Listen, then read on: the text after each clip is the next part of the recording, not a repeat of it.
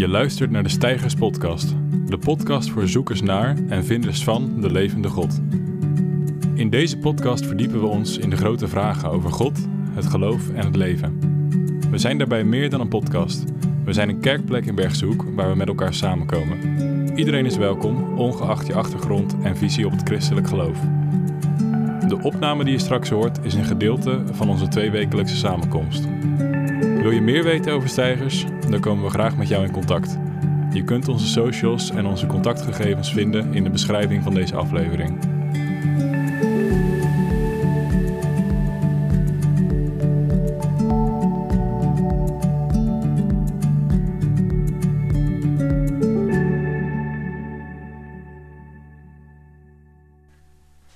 Zo, we gaan een stukje uit de Bijbel lezen voor jullie. En het gaat over. of het gaat het, op het boek Jeremia. Dat was de hele zin die eruit had moeten komen. Dat gaat over het boek Jeremia.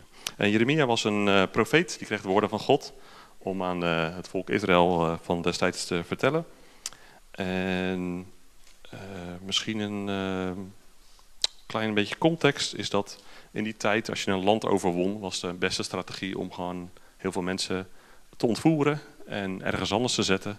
Want dan konden ze zich niet zo goed meer organiseren. Dus in dit geval zijn er heel veel mensen eigenlijk weggenomen naar een ver land. Eh nou, had toen geen internet, je kon niet met WhatsApp met elkaar in contact blijven. Ehm, dus eh, nou ja, je was wel vrij eenzaam als je ver weg zat. En ehm, nou, dan gaan we hier beginnen met hoofdstuk eh, 29 uit Jeremia vanaf vers 4. Dit zegt de Heer van de hemelse machten, de God van Israël, tegen de ballingen die hij vanuit Jeruzalem naar Babel heeft laten voeren. Bouw huizen en ga daarin wonen. Leg tuinen aan, eet van de opbrengst. Ga huwelijk aan en verwek zonen en dochters. Zoek vrouwen voor je zonen en huw je dochters uit, zodat zij zonen en dochters baren. Jullie moeten in aantal toenemen, niet afnemen. Bid tot de Heer voor de stad waarheen ik jullie weggevoerd heb.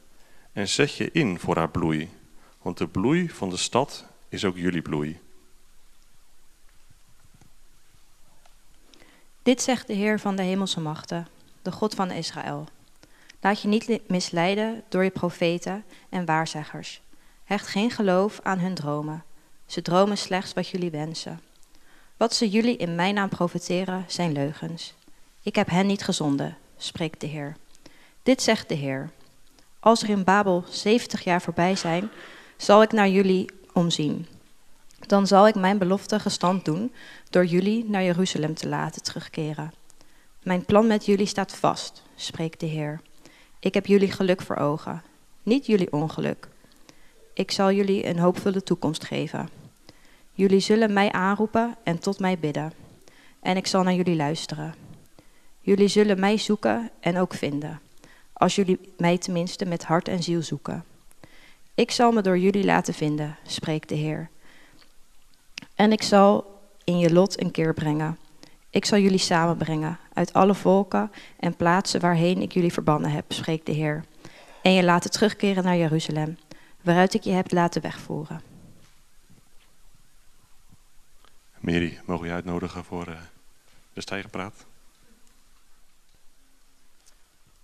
Ja, jullie hebben al naar het cadeautje zitten staren natuurlijk. Ehm, heb jij wel eens een cadeau geweigerd? Iemand die bood je iets aan en je zei nee, hoef ik niet. Nou, dat klinkt best uitzonderlijk, toch? Zou kunnen voelen als een afwijzing of ja, ondankbaar gedrag. Nou, dit cadeau, dat symboliseert voor nu even het geloof. Want het geloof is een cadeau, een cadeau van God. Nou, zo zien wij moderne westerse mensen dat niet. Want wij beredeneren de dingen vanuit ons subjectieve zelf. En ik bepaal of ik geloof en wat ik geloof. Nou, als God het geloof niet zou aanbieden, zichzelf dus, dan viel er voor ons weinig te bepalen. Ja, eh, hoe weet je dat allemaal? Ja, het is prachtig hoe God zichzelf openbaart, dat is zichzelf laat zien, zichzelf presenteert in de Bijbel. En daarom weten we dat. En ja, dat geloof dat biedt hij aan uit genade en dan is het aan ons om het aan te nemen. Ja, de Israëlieten die wezen dat cadeau steeds af. Na jaren afwijzen, spijt krijgen en weer aannemen, afwijzen, spijt krijgen en weer aannemen, zaten ze dan nu in ballingschap. 600 voor Christus weggevoerd uit hun eigen land naar het verre Babel. En ook nu houdt God de controle. Want er staat in vers 4 dat hij ze heeft laten wegvoeren. Overigens prachtig hoe God zichzelf laat verwoorden in dat vierde vers. Er staat, dit zegt de Heer van de hemelse machten, de God van Israël, tegen de ballingen die hij vanuit Jeruzalem naar Babel heeft laten voeren. God houdt het dus in de hand, want hij is namelijk de God.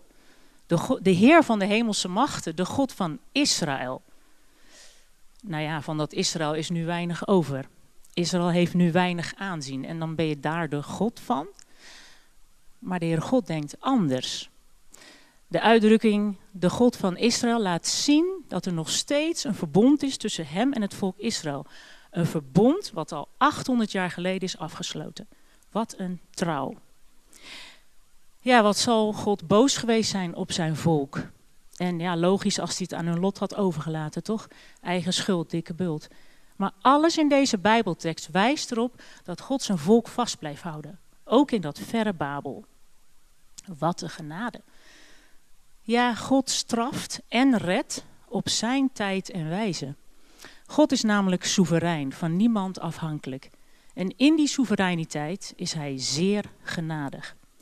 We lezen in vers 10, dit zegt de Heer, als er in Babel 70 jaar voorbij zijn, zal ik naar jullie omzien. Dan zal ik mijn belofte gestand doen door jullie naar Jeruzalem te laten terugkeren.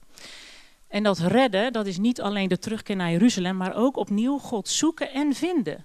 Dus het cadeau weer aannemen. Ja, um, en die 70 jaar is God er dus bij. Want in vers 7a staat: Bid tot de Heer. Met andere woorden, blijf contact met mij zoeken, ook in dat verre Babel. Oké, ja, een heel mooi verhaal, maar 70 jaar. Dat is toch niet te overzien voor een mensenleven? Zo kan ik niet meer terug naar mijn land. Ja, een harde leerschool voor ons, want wij bekijken de dingen vanuit het individu en we zoeken snelle oplossingen voor onze problemen. God heeft het dus in zijn hand. En ik kon het niet laten om het verder uit te zoeken, want het riep vragen bij mij op. Hoe houdt God het dan in de hand? ook nu nog, hoe houdt God de wereld in zijn hand? Er is zoveel kwaad en uh, onverklaarbaars. Hoe houdt hij het in zijn hand? Ja.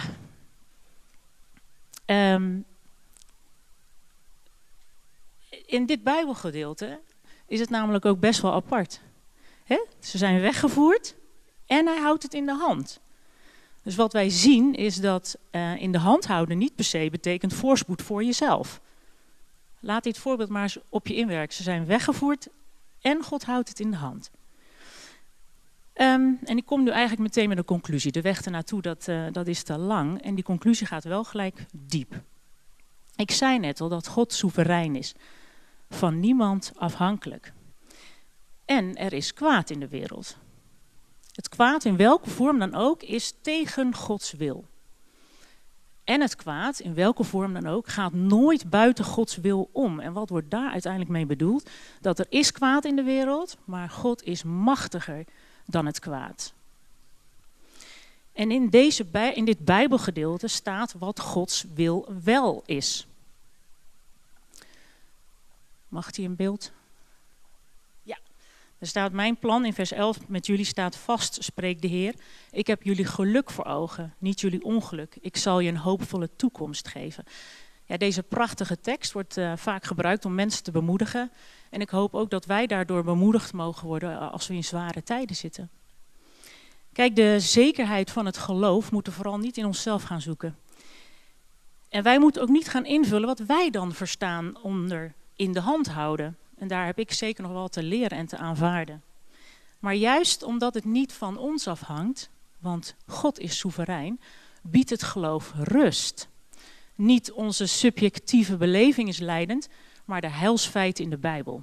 En wat zijn heilsfeiten? Dat zijn alle beloften die God gedaan heeft in de Bijbel aan ons, inclusief de wereldreddende daad van Jezus aan het kruis.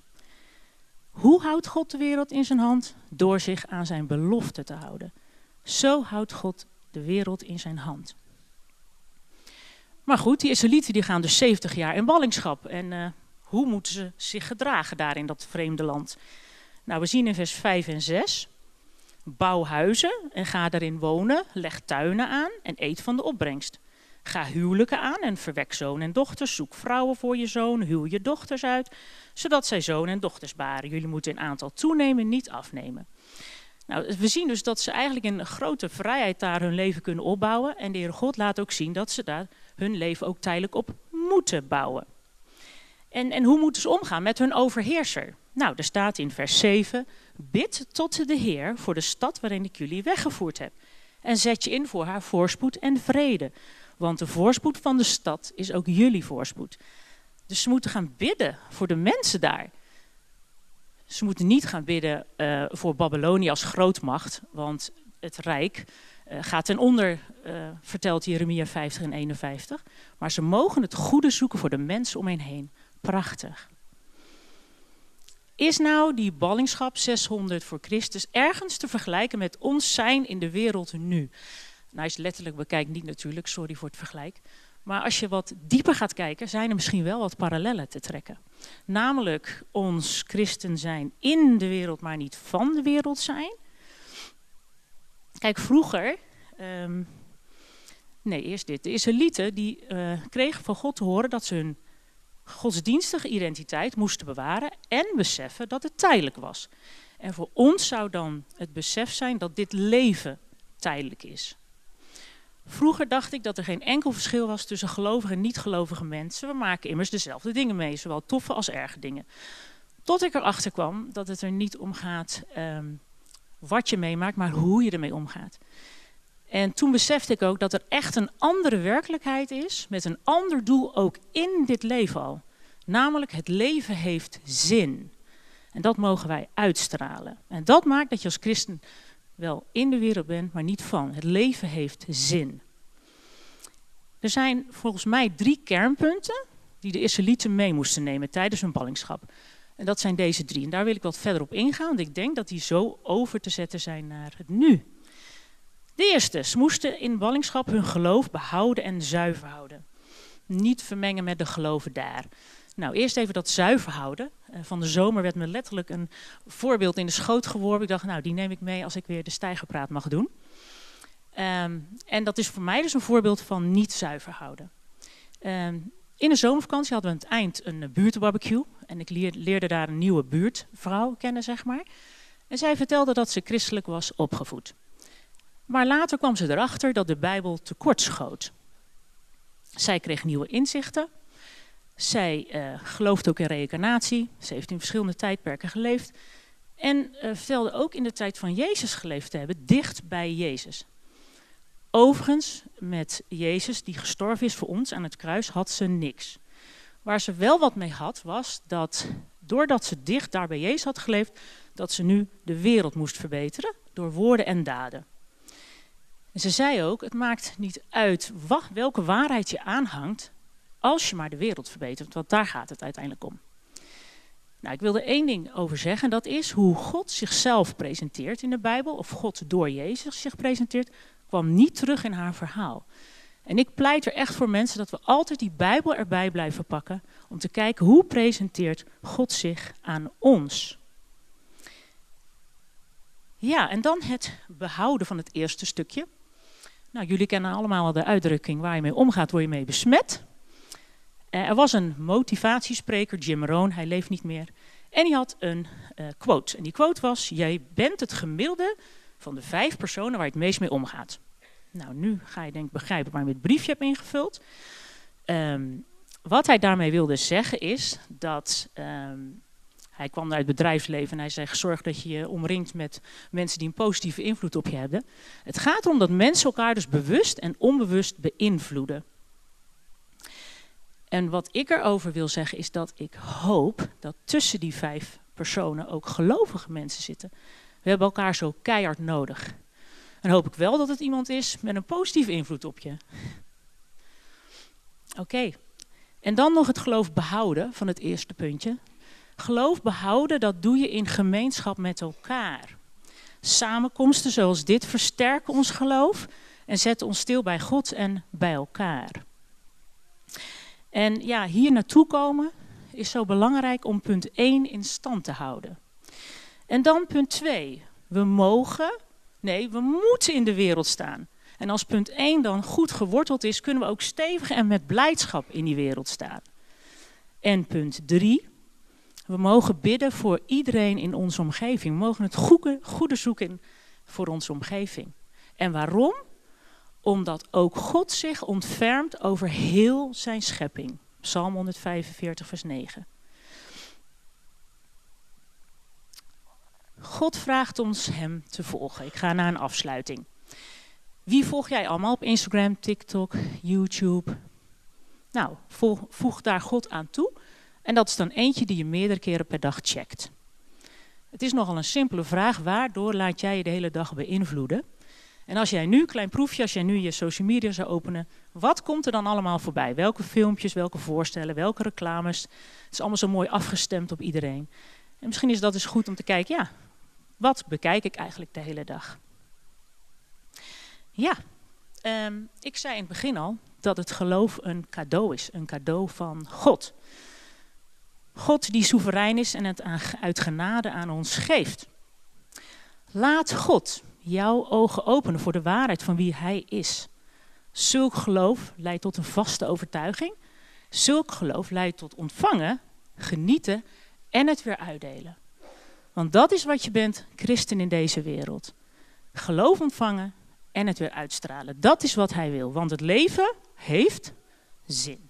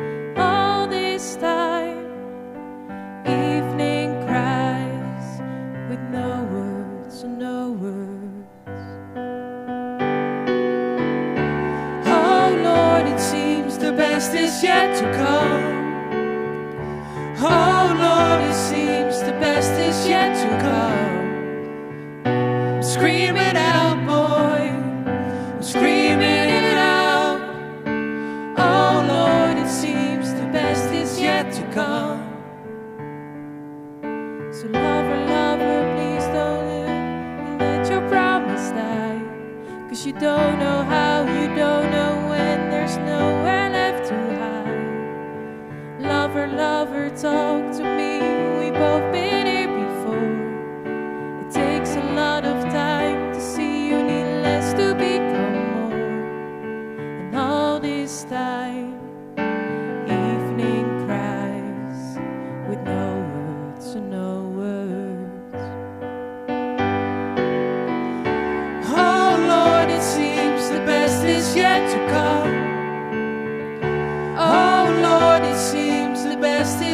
to come. I'm screaming out, boy. I'm screaming it out. Oh Lord, it seems the best is yet to come. Oh Lord, it seems the best is yet to come. Oh Lord, it seems the best is yet to come.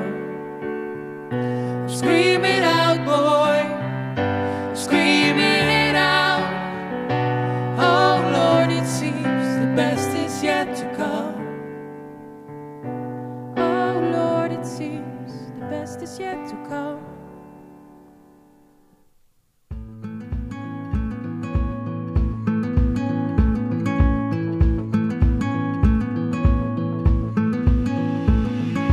was de podcast voor deze keer.